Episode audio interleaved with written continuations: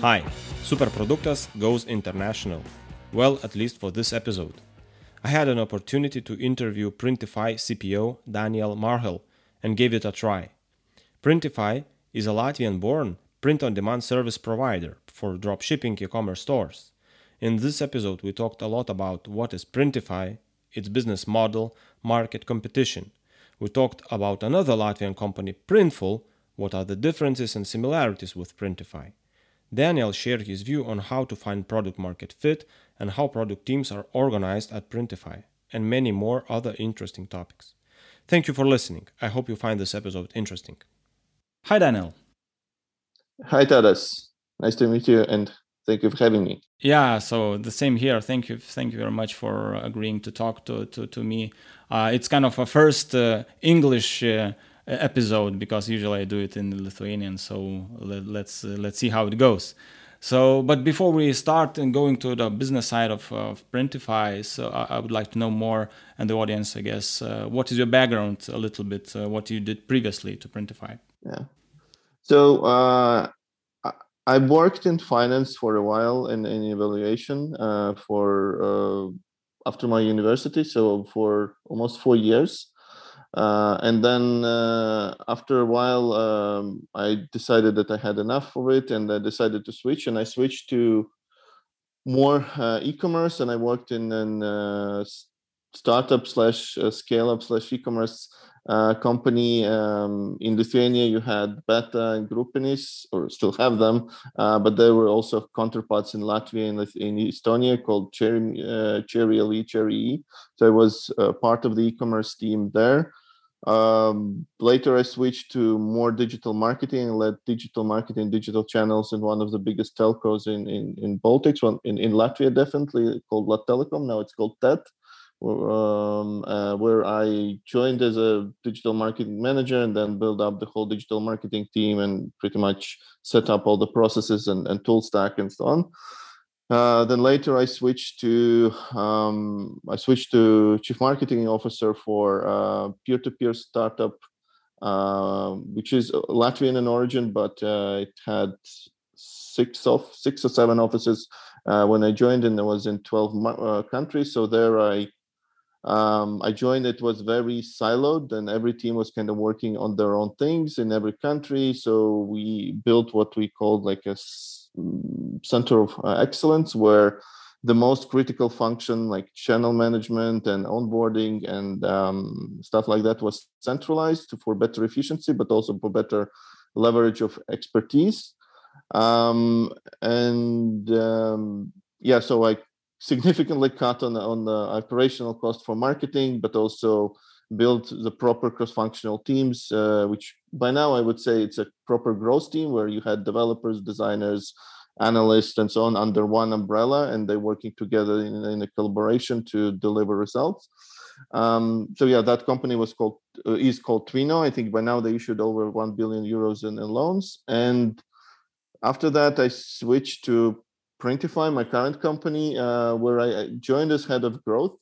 And well, I was pretty much the first slash second hire uh, for for growth function, and um, yeah, I was I in print in Twino I was leading a team of about fifty ish 50ish people. And uh, here i joined pretty much being an individual contributor again but i joined at the moment when the company got traction and started uh, scaling. So I already knew that there are going to be a lot of team building aspects. So I joined as head of growth, built up the growth team, which classical growth team consisting of cross-functional uh, individual. Like uh, we had the development, design, analysts, marketing people, um, some operational people under one umbrella. And then after a while, when we were doing the first raise, uh, James, our CEO, asked me to look after the rest of the product organization, which he was leading beforehand.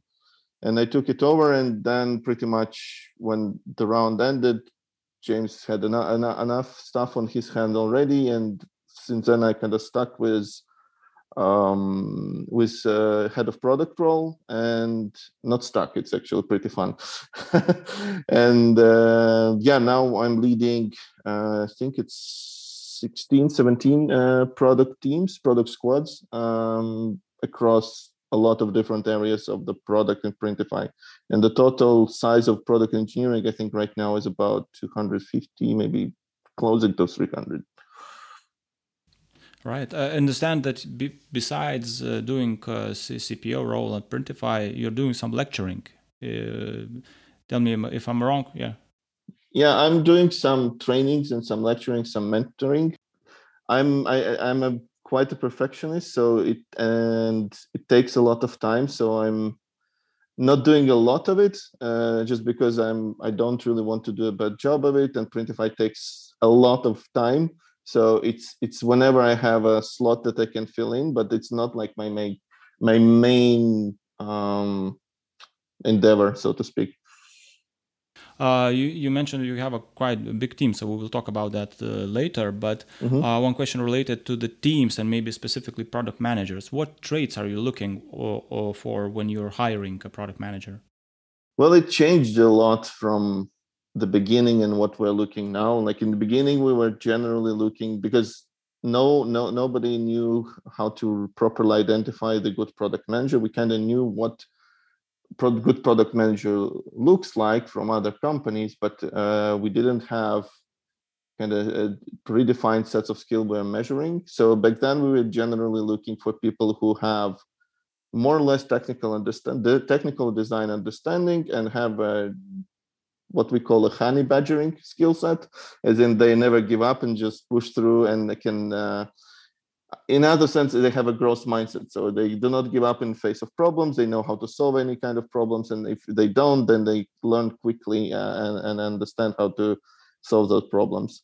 Uh, now we are having uh, quite a robust um, framework how we recruit product managers and we evaluate around four areas. So those four areas are uh, product strategy product um, execution customer insights and, and uh, leadership. And then under those, there are multiple uh, skills that uh, are being evaluated. So it depends on the role we are looking to fill. Obviously, the more senior the person, we are mostly like gearing toward leadership. If it's a more junior person, then more toward execution. If it's a user centric, like not a technical product manager where you're owning some kind of back uh, back service, but you're owning part of the customer journey, then it's definitely customer insights is a very important part. But now, since the company grew and we are specializing more and more, it, it depends on on the area that that product manager would be covering.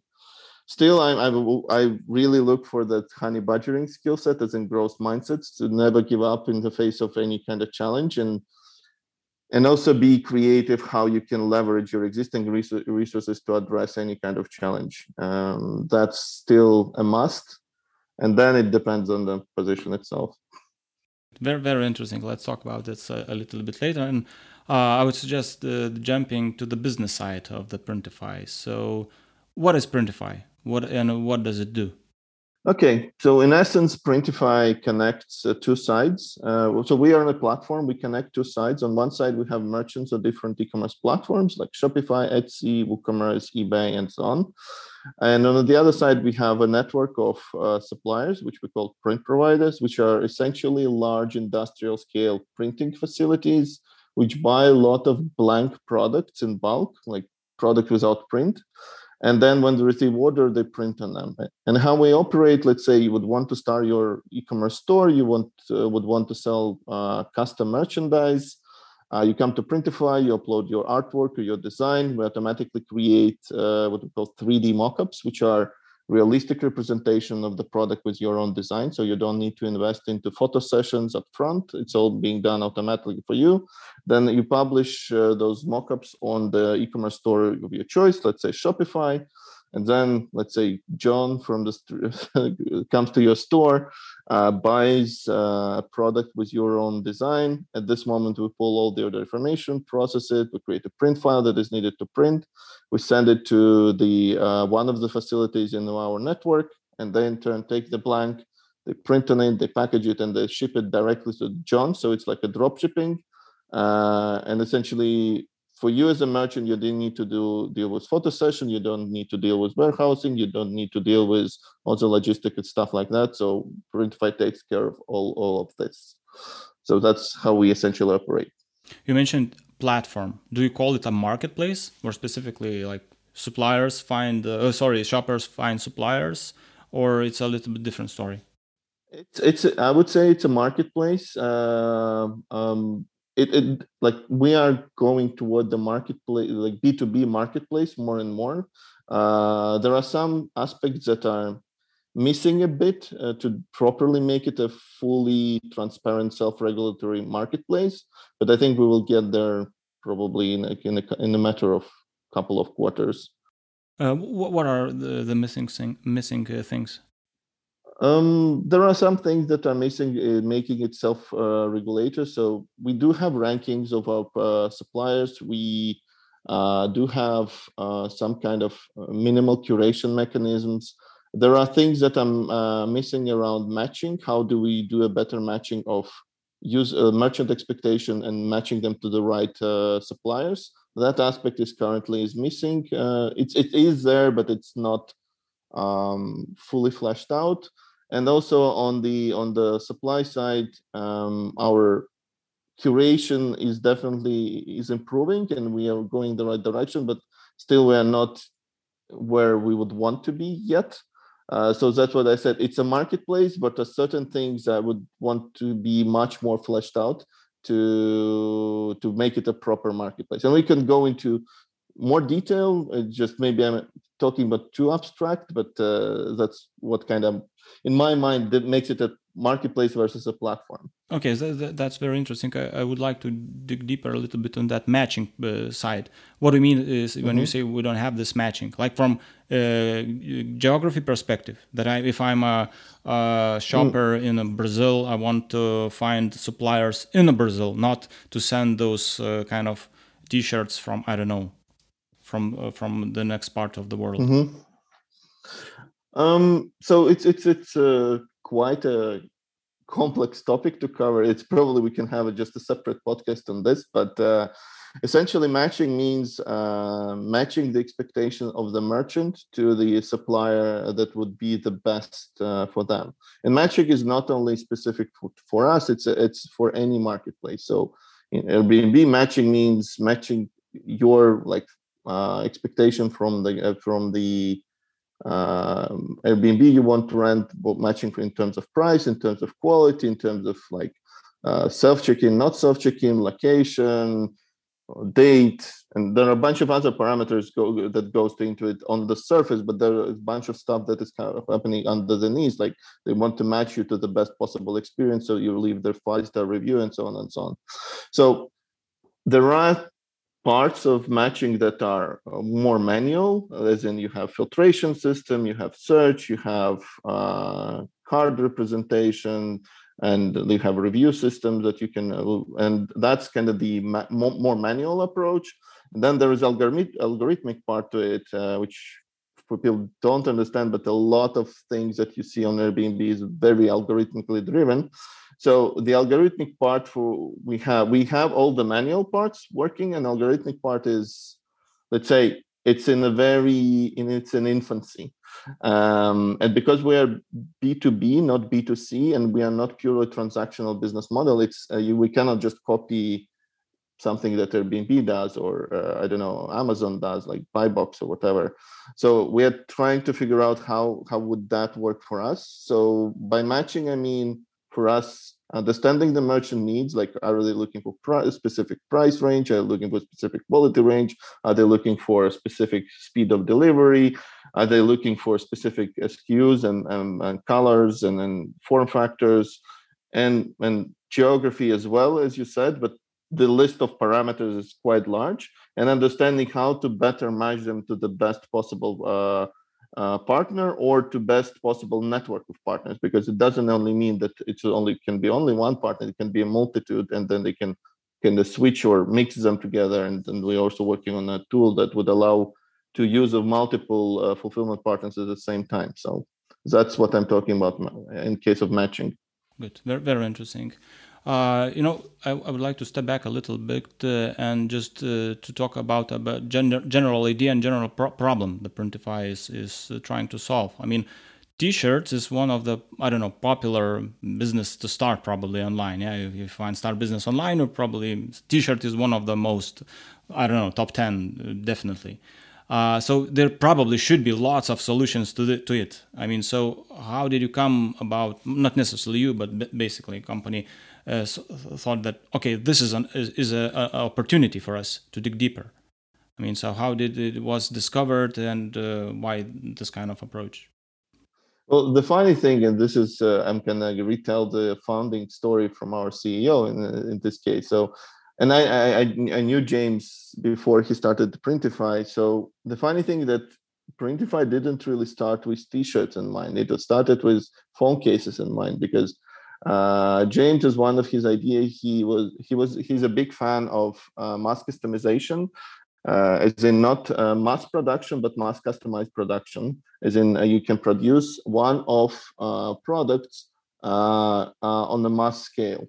So he had this idea that he could produce a lot of this mass custom phone cases that would be like you can run them uh, campaign and uh, each day, and each day you would have different types of font cases.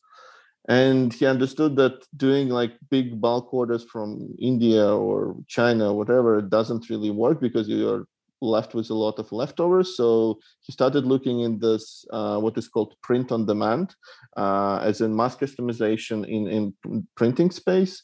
And if he found a bunch of suppliers uh, that he wanted to work with, but then for that to work, he needed to build the integration. He needed to build a mockup generator, which is like how you place a design on the phone case. You needed to figure out all the payments, all the shipping stuff, and so on and so on. And then while they were building that, they understood like hell, it takes so much resources to actually build. Maybe there is a need for other kind of commerce uh, companies that want to work with specific providers to build an integration and maybe we just can expose this to everyone else and that's how the idea behind printify uh, have pretty much fleshed out. So it was initially a solution that was built for for himself, and then uh, afterward it transitioned into offering this integration solution for everyone else.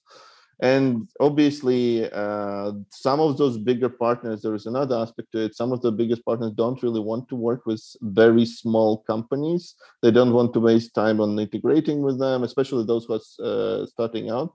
So you cannot really go to some of our providers and say like, well, I'm just starting out and want to sell, I don't know, 20, 30, 50 products a month and uh, please integrate please let me integrate. They were like no we need like 50000 or whatever a month.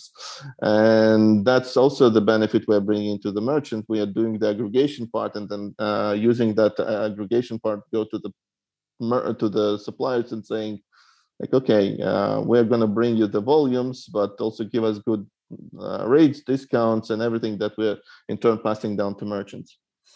So phone cases was a pivot to, to t-shirt. How how did the, did it happen? So when uh, they were building this, uh, essentially building this functionality for having supporting this mass customization phone case, I understood all the functionality can be expanded towards other products. And t-shirts obviously was one of the popular, but not only t-shirts, like hoodies, mugs, uh, posters, canvases, and so on. So the first, uh, I think the first catalog was something like 30 items. Uh, then we, it was released as a as a platform, uh, and we released as a Shopify app first. Uh, and it, actually, the funny thing is that we released this Shopify app, and back then we didn't really have uh, exposure who the print providers were. You just selected the product, and we kind of uh, decided for you who is going to be a supplier. But that didn't scale for many reasons. Uh, like uh, it wasn't really transparent. Uh, we couldn't really take ownership of some issues. Uh, and so that's where in 2016 it was decided we need to switch to pivot to the transparent marketplace. Uh, and then in 2017, the transparent, the current uh, business model was launched. Uh, and then, then we pretty much, since we launched this transparent marketplace, we've seen um, tremendous growth, like five, three to five x year over year.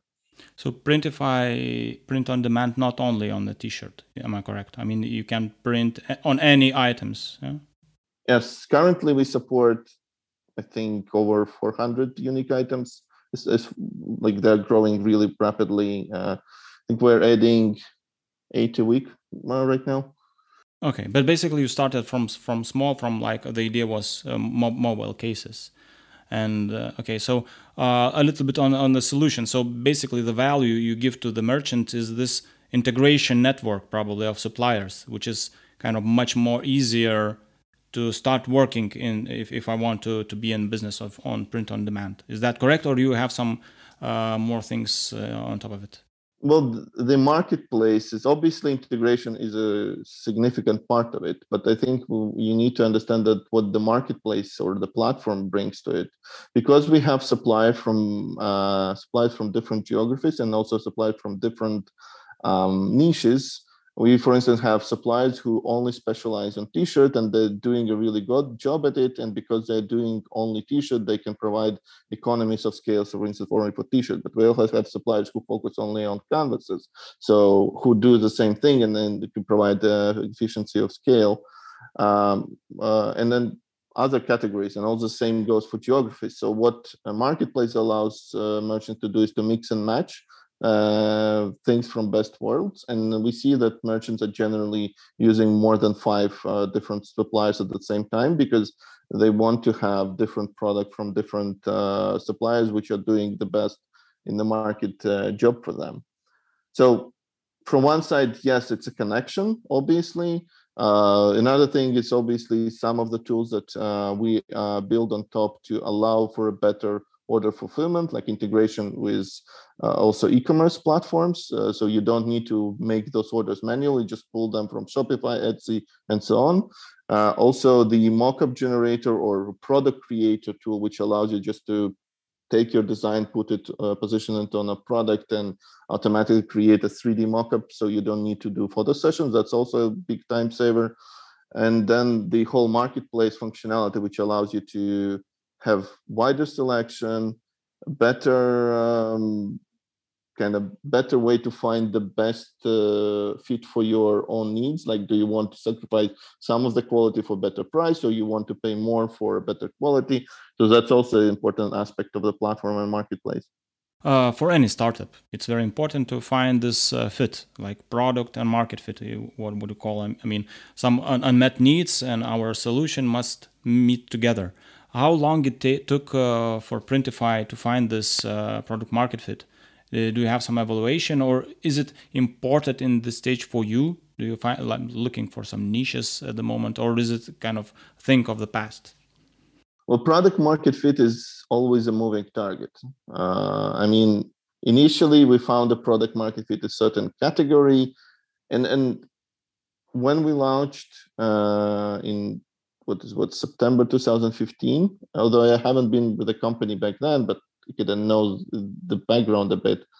So it it uh, definitely the, the orders were coming in from almost like day one or day two, but that's because we were Shopify app and Shopify app uh, got us onto promoted list. So there was definitely product market feedback back then, but the question is to to which degree uh, you have a product market fit.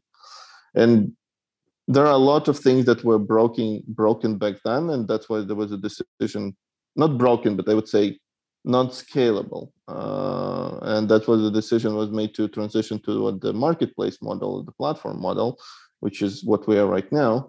Uh, now we see that uh, we definitely achieved the market uh, product market fit in certain categories um, but not in others. And to give you a perspective, the commercial printing market is about 850 billion, with that's with a B. Uh, so uh, we are in a subsegment which is called uh, printed apparel and personalized uh, products, which is right now is valued about 54 billion. It's expected to go 90 to 92 billion in um, 2025. So it's still a huge market but then under those market you have a lot of different verticals the niches and, and so on and so on. So the market is very fragmented. So although we found the product market fit and we kind of very established ourselves in one of the verticals which is e-commerce print on demand we see that to go into adjacent verticals, we need to adjust to the product, we need to do some additional functionality, and it's it's fine. I mean, we know that we still still will grow in the current vertical, but at certain point you reach a product market fit uh, ceiling where the market is just gonna be there, and it, although it will grow, you will still you'll start competing for the market share with the competition. So you need to expand. You need to do uh, product market fit expansion. So what I'm saying by uh, saying here that initially we, we got it. Then at a certain point you reach a ceiling you need to expand that ceiling. Then uh, you reach another ceiling then you need to expand again. Now we are working how to expand the ceiling again. So it's it's a never ending a never ending battle i would say. All right. Can you share advice for uh, startup guys? I don't know how, how to find a product market fit? How do you do it? Well there are so many frameworks out there. Uh, i mean general, the one consensus that currently everybody is uh, gearing towards is not using NPS or CES or CSAT, but using uh, I forgot the, what the, the right name of the framework, but I think it was introduced by uh, Superhuman guys, the email uh, email client. Uh, so the question is, uh, how unhappy you would be if uh, your pro- this product would not exist? And then you have a score and uh, there is a blog post by the superhuman ceo i think uh, that outlines uh, this framework. I don't remember everything by heart but i think that's in my opinion the best uh, predictor of uh, product market fit. Like do people would be upset if the product does no longer exist. If they wouldn't then probably there is not enough product market fit and then then obviously you need to understand that there are different needs there are unmet needs and realized needs. Unmet needs is where users understand that there you they have a problem but there is no solution. And then realize when people don't even understand they have the problem. Um, and usually for solutions that are um, solving unmet needs uh, this uh, the score of the product would exist is generally higher. For unrealized needs it's uh, until a certain point in time it's it's lower but it's uh, sometimes there is a convergence when it has a massive adoption and people kind of understood that okay i can no longer live without that so i don't want to go to the old ways of the solving the same problem. For instance like uber right? Or, or bolt or uh, whatever then uh, usually the score of um, just goes up so significantly higher that um, yeah so that's that's the one thing that uh, needs to be taken into account but yeah essentially how would you feel if the product no longer exists is a very good predictor if you achieve the product market fit or not? Yeah and talking about time frames. I mean how long can you measure? Like how, how i mean is it uh, an effort for a year shorter period of time? What is like healthy uh, period to, to measure this product market fit if no longer you're kind of uh, finding this market fit when to pivot your idea etc i mean there are different stories i mean uh, on the internet. That, that, some companies took it like three years uh, and other three months. So is this a right uh, answer to this question? I would say if you cannot kind, find customers uh, with your product for more than a year then probably you will be you're you're going to be in a very tricky financial situation. Uh, you want to have customers from almost like day one, essentially. Well, not maybe day one, but months two, three. Uh, if not, then the question is, okay, uh, is there, you need to dig deeper into your like pricing, into your monetization strategy, and so on and so on. But I would say the good startup generally that I see they get traction very fast and if they don't get traction you need to start seriously evaluating what is wrong. Like and, and also the startups that i'm consulting the best startup usually especially if you look at san francisco they get the traction very fast. Obviously there are exceptions that there are companies that get a lot of funding without any traction at all but i wouldn't say that they like those companies usually do not have a product market fit. They're just really good at sales, and founders are usually good at sales. And we know all those companies like Nikola and uh, and and what, what's uh, Theranos and so on and so on, which don't even have a product but have massive evaluation, but I wouldn't call them having a product market fit. Uh, talking about business model, did it change during the years when once you started because the product changed a little bit, or it was the same? How you earn money basically? The business model did not drastically change. I mean, we are always uh, we're in a kind of taking commission from all sales. We introduced additionally subscription service, which uh, uh, right now is uh, being rethought. Uh, but the subscription service is like an additional layer of uh, retention and monetization mechanism, but it is not a main monetization. The, the, the core of the revenue is still coming from uh, from take rate from all the transaction. And I think for most of the marketplaces, it's pretty much the same. It's some kind of take rate from uh, either all or some type of a transactions. Uh, I mean, if you look at like Etsy and uh, Uber and Airbnb and even Vinted in Lithuania, they all have Vinted have a bit different business model somewhat, but still they're say, taking some commission from transactions, certain transactions. So and that's you're taking still, it from from merchants or from Sup- supply supplier side. side supplier side. Um, so yeah, we that's our business model. I don't think we will change it drastically in the foreseeable future, but as we scale, we will see. Uh, maybe we'll need to reevaluate it. Uh, for now, um, that's the main business model. Subscription uh, is just a kind of cherry on top that is important for us, and it's important for certain user segments for for which uh, it was built, uh, but it's not the main driver. Okay, so basically for the merchants, it's a free solution to use. It is a free solution until you make the first order. Once you make the first order, obviously you need to pay, but uh, yes, you can use the platform freely and to to do whatever. Uh, as long uh, once you need to place an order, obviously you need to pay. So how it works is if you remove the subscription out of the out of the equation, let's say you're the merchant and you sell, um, let's say mugs. Um, so you, let's say you have your Shopify Etsy store and uh, you have your mug listed for, let's say twenty dollars on Shopify. Then when John comes to Shopify, he buys a mug from you for $20, that's the money you get. Uh, so on Printify, you have to pay for this mug, let's say $10.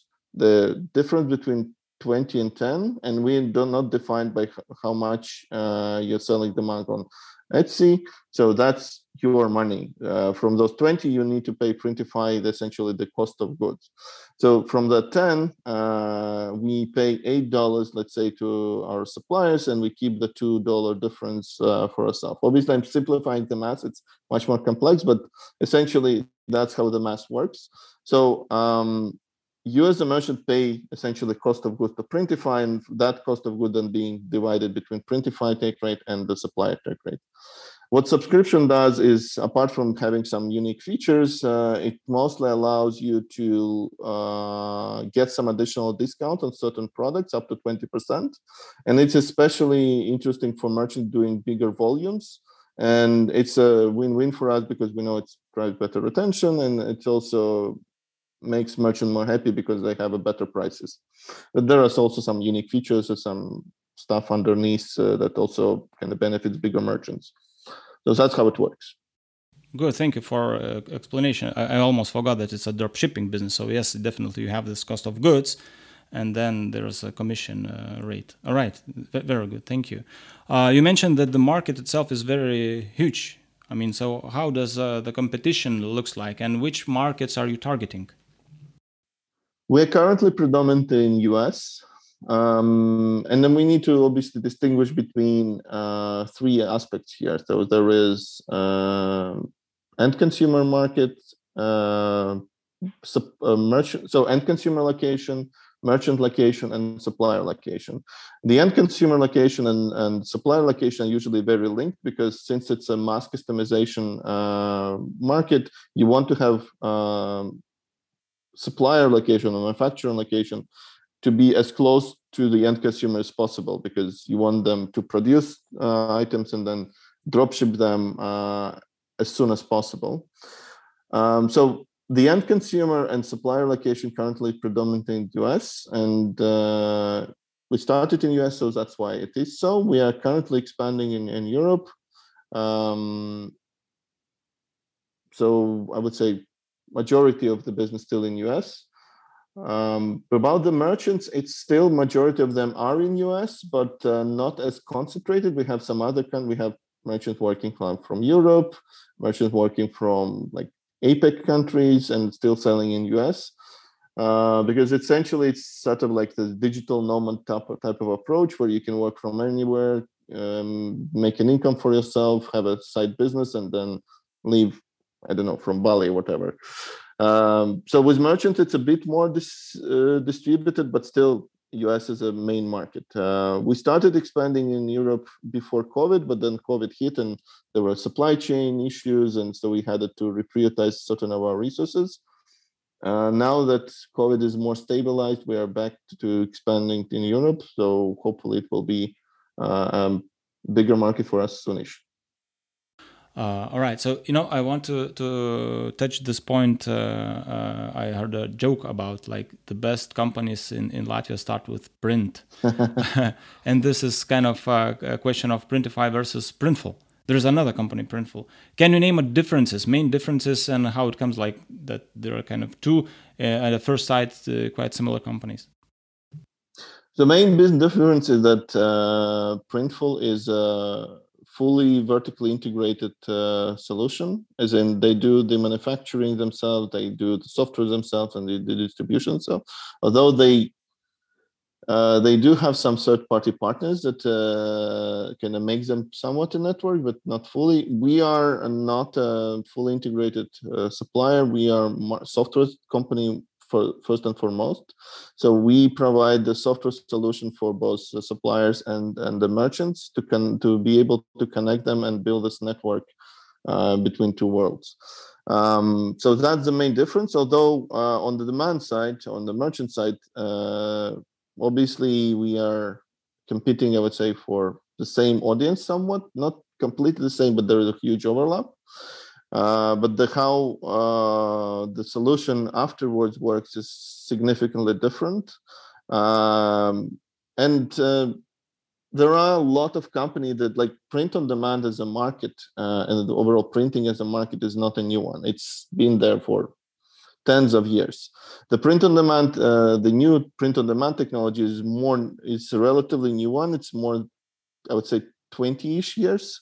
so that's why there are companies uh, like ours and like Printful that are growing in that space.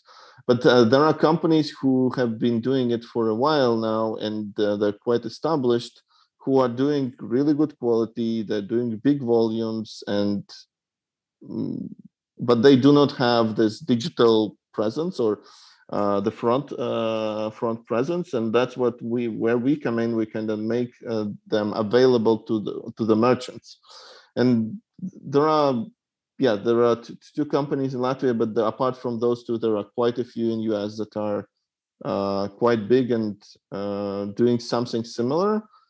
I would say uh, the model that we have which is transparent marketplace uh, as far as i know there are no companies exactly like that. There are some companies that are doing aggregation. There are some companies that are doing also uh, kind of aka marketplace but do not disclose who suppliers are in that sense, we are unique. Uh, but there are quite a few companies that do vertically vertically integrated uh, print on demand. So, do you measure some kind of uh, market share numbers, like uh, we're the first, we're the second? I mean, do you have these numbers? Uh, because I understand the market is quite scattered, quite different uh, in terms of how it works. So, is there a measurable thing you track?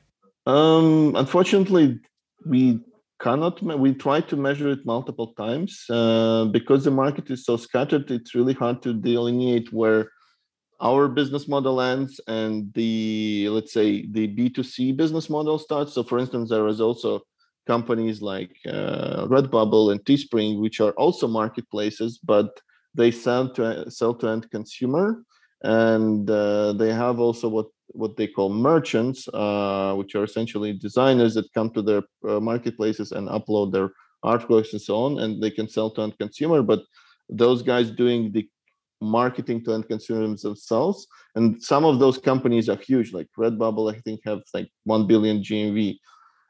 So the question is, do we consider them as part of our market uh, or not? And this is where the the, the whole thing um, makes it a bit tricky and also, since we're working mostly with individual entrepreneurs, mostly not exclusively, but they're a significant part of it. Uh, they're usually companies that do up to, I would say, a million revenue a year, um, maybe two million in certain cases. Those companies are there are a lot of companies like that, and it's really hard to pinpoint a number that is specifically geared to what print on demand. So we tried to do it multiple times. Unfortunately, we couldn't come up with exact numbers because of the the specific specificity of uh, type of merchants and also the difference between the markets. We know uh, how much revenue or our competitors do, so we know difference between us and and uh, and our competition, obviously, uh, but not the market share itself because market share it's really hard to pinpoint what kind of users uh, you're acquiring and what are the main channels of acquisitions so uh, regarding channels we we call them growth loops uh, and we have quite a few growth loops that are working for us obviously integrations with e-commerce channels is a very good growth loop because uh, once you integrate with new channels you acquire those users that money can be reinvested then into the building more integrations but that's pretty much the same for all our competition as well. But uh, we see that that works pretty well. This is how we started, and still works pretty well. Obviously, we do uh, uh, quite a lot in paid acquisition. Um, not going to go into too much detail, but uh, obviously, paid search and, and paid uh, social.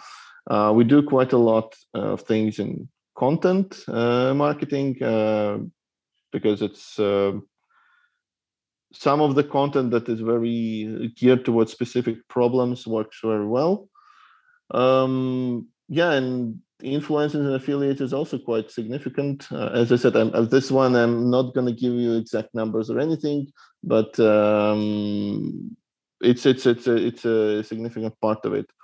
Um, I think with acquisition, it's always a matter of how do you properly measure the payback on each channel, as in uh, return, uh, not only return on the ad spend, but payback as in uh, how fast you can get the money back from what you have invested. And uh, you can do it by lowering your cost of acquisition or uh, raising your lifetime value. And for product, obviously, it's like marketing's job is to lower the cost of acquisition but for product it's increasing the lifetime value so that's where the product and our growth team is actually trying to do their best to increase the lifetime value of each individual customer specifically those higher value customers uh, great. Let's talk about the uh, yeah how the team looks. Uh, but before we jump to the product management side, I would like to ask about operations. How do you serve your customers? How big is the customer? I don't know how to call it customer success team, operations team, and how is it important for your business? How do you do it? Um, I actually don't know the exact numbers right now. I would say customer support and customer success would be around 200 people right now. Uh, I think customer success probably would be around 20, 30, and the rest probably will be in customer support. But I might be a bit wrong on those. Might might be larger right now. Um, um, well, obviously, support is super important because uh, we're still dealing with physical world, and uh, as much as we kind of position ourselves as a software company, we also understand that uh, dealing with physical world, especially with the world where you need to deal with packages, shipping, and so on and so on, there are things that do not go smoothly, meaning that things can be lost, they can be shipped wrongly, not delivered at all. So uh, helping our merchants to deal with also issues uh, support is critical. Uh, and we are building a lot of self-service tools so that it can be done uh, in a self-service way without involving support, but still, in, in that sense, support is critical. and some people just don't want to deal with it themselves; they just want to talk to people. So uh, yes, uh, success is mostly success and sales is mostly geared toward larger customers who need of this very special attention and um, bit more hand holding uh, in certain cases. But so they're dealing with like top one, two percent of the merchants. I would say maybe top five. Um, yeah, but they're also important uh, for them to provide right advice, so which partners to work with, how to work with them, where they can uh, maybe what are the opportunities to grow their, their business using some additional product categories and so on and so on. And how many people are working in at uh, Printify? I think we're over 500 right now. Okay, so customer support then kind of takes quite large part of it. Yeah, customer support and success is quite large. Yeah, it's it's a, it used to be bigger uh, proportionally, but now I think it's less than 40 maybe already 35%. Right. That's very important. I mean, you happy customers, it's kind of a live business. Uh, all right, let's jump to the team composition, like from product perspective. How many, you mentioned a number, 16, 17, uh, and uh, what are the composition and, and how those teams evolved throughout the years? So right now we have what we call actually three teams. Uh, we have supply, platform, and demand. And apart from those, we have uh, separate uh, couple separate teams which are kind of sit outside of those, which are design ops, product ops, and research. Uh, they are not uh, embedded in those three product teams, but uh, essentially those three product teams are then splitted into what we call squads, which is our minimal functional unit, uh, which is usually consists of the, uh, out of engineering manager, engineers, product manager, um, usually data analysts, and in cases of user-facing functionality, obviously a product designer, and in cases where they're dealing more with data problems, and usually data scientists or two. Um, we sometimes have squad where there are multiple product managers or multiple designers if the, the scope of area they need to cover is quite big. Um, so how we started, we initially it was very functional. So we had engineering separately, design separately, product management kind of somewhere in between, and then analysts separately. Um, and then after we have built the first growth team which was purely cross-functional which had dedicated engineer dedicated designer and so on and so on we understood that it works very well because the team then could collaborate very efficiently. So then later partition everybody in the same way that you have dedicated engineering resources for a specific product area. And it also allows for much better scaling because instead of just adding engineers to this one big pool. You have uh, smaller teams that work um, specifically to address certain problem. So right now we don't see any other way how to work. Although obviously now that the number of team works and the cross dependency grew, we need to build an additional kind of management layer to manage all of that. Well, we have it, but it still needs to be enhanced. Um, so that's how the team composition works. Uh, yeah and uh, in terms of uh, so we that's the team and we generally matrix organization so those three teams operationally being led by uh, like director of demand director of supply director of uh, platform and then we have also functional leads which is like head of design head of data uh, what else is there? Um, yeah and uh, some others and essentially uh, all those functions then report either to head well chief product officer or cto which is me or my counterpart edgars. So edgars is mostly owning all the engineering functions and uh, i'm owning the rest of which is product data design yeah that and research. All right uh, from product manager perspective how many teams uh, does one product manager manager usually work with? Like one product manager, one at one team, or like multiple teams? Usually one PM per one squad. Yes, or you could call. It. So usually PM is assigned to a team size of between seven and I would say I think the largest is fifteen in total. Yes.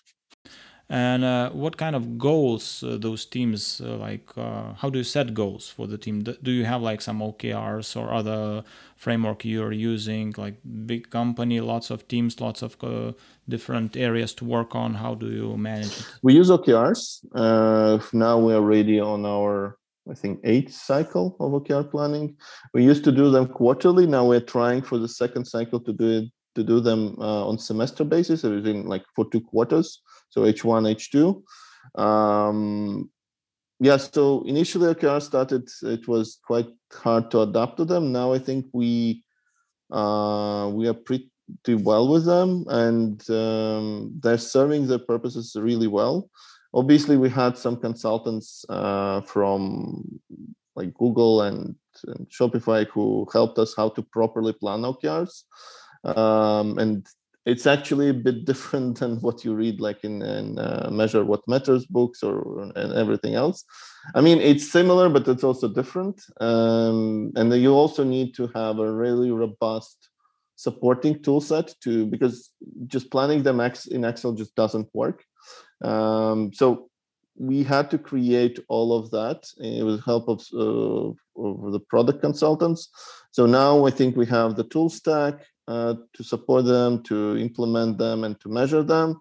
And now it works pretty well, although uh, there are some things with OKRs that are can be problematic as well. So OKRs are probably for product is the best way to set objectives, uh, but also if you use them incorrectly, some cross squad uh, collaboration can be trickier, and you need to have this mm, additional management overlay that drives this cross squad collaboration which is which is a thing that could be better, but I think still it's probably one of the best framework to set objectives uh, and set goals for product squads.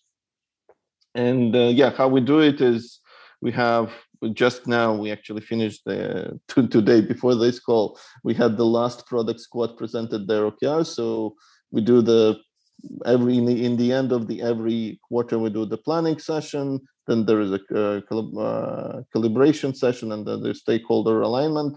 And then once it's done, it's being documented, it's put, being put in out in the tools that we created, and those tools are then being uh, used to track the progress, the blockers, and so on and so on.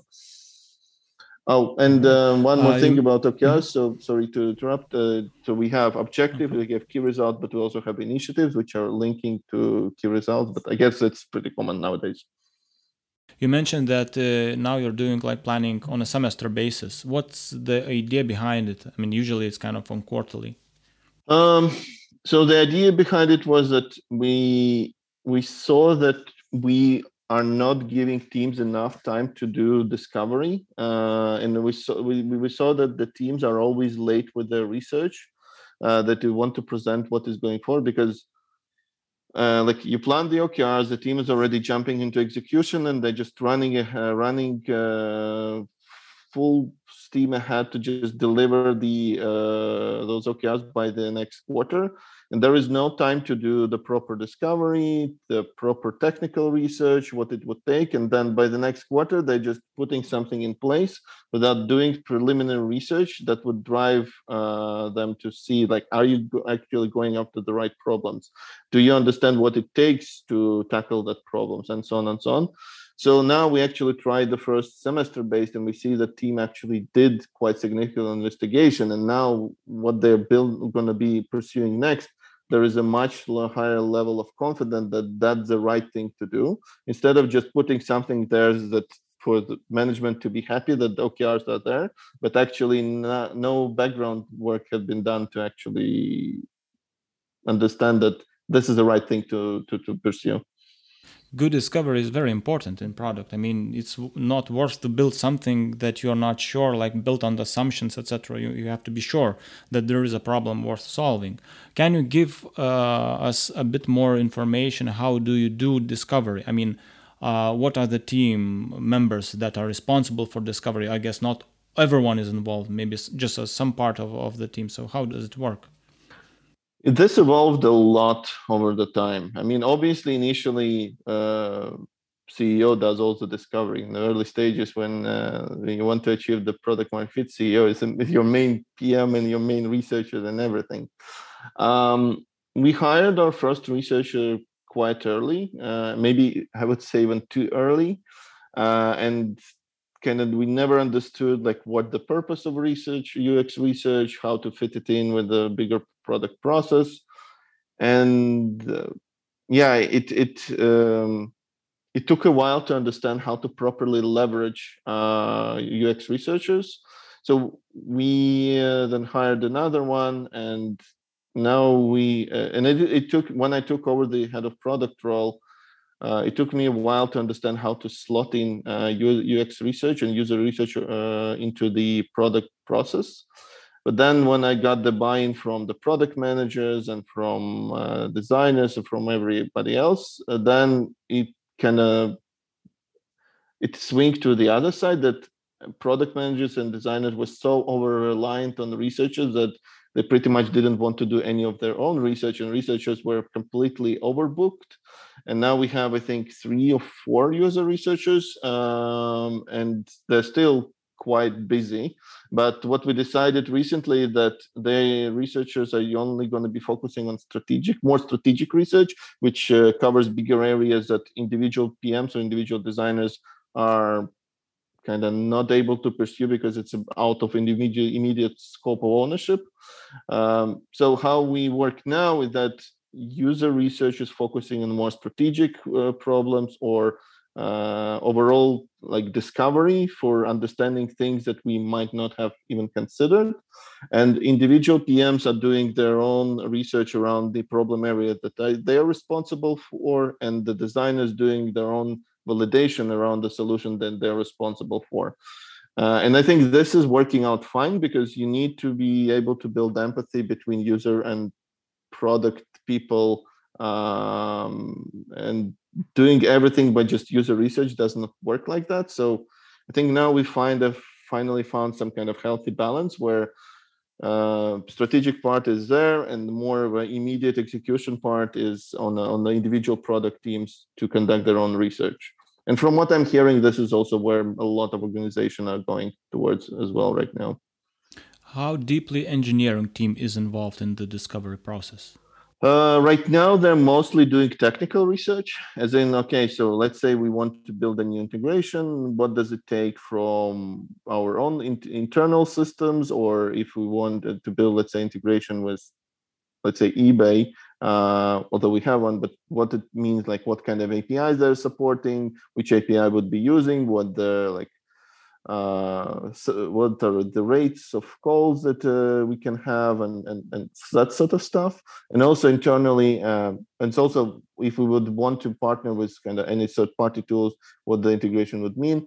And also internally what kind of services that would touch into, uh, in in the team and how we would be like this individual squad will be relying on other squads uh, areas and how much help they would need. So they're mostly involved in that um, but obviously uh, we have uh, different platforms or different forums that's probably the right terms uh, as in different meetings where the findings and insights are being presented to the rest of the company and that's uh, free for all to uh, to attend. So, and I see that a lot of engineers and engineering managers are attend there, and they kind of listen to those insights. And generally, I think in our in our organization, engineers very are really really care about the stuff they're building and in the end decision on what is being built and why it's not only on a product manager or product designer it's a collaborative squad um,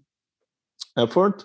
So we we actually encourage the dynamics where engineers challenge product manager that this the stuff that you think we need to build is not the right one or how designers think that this should work like that's not going to work because of xyz so there is a, in, in a more mature squad there is a very healthy um, dynamic where in each kind of contributor to the solution challenges each other and then it's a collaborative effort to come up with a solution that really works uh, so one more last last question before we move to the last part of the our conversation.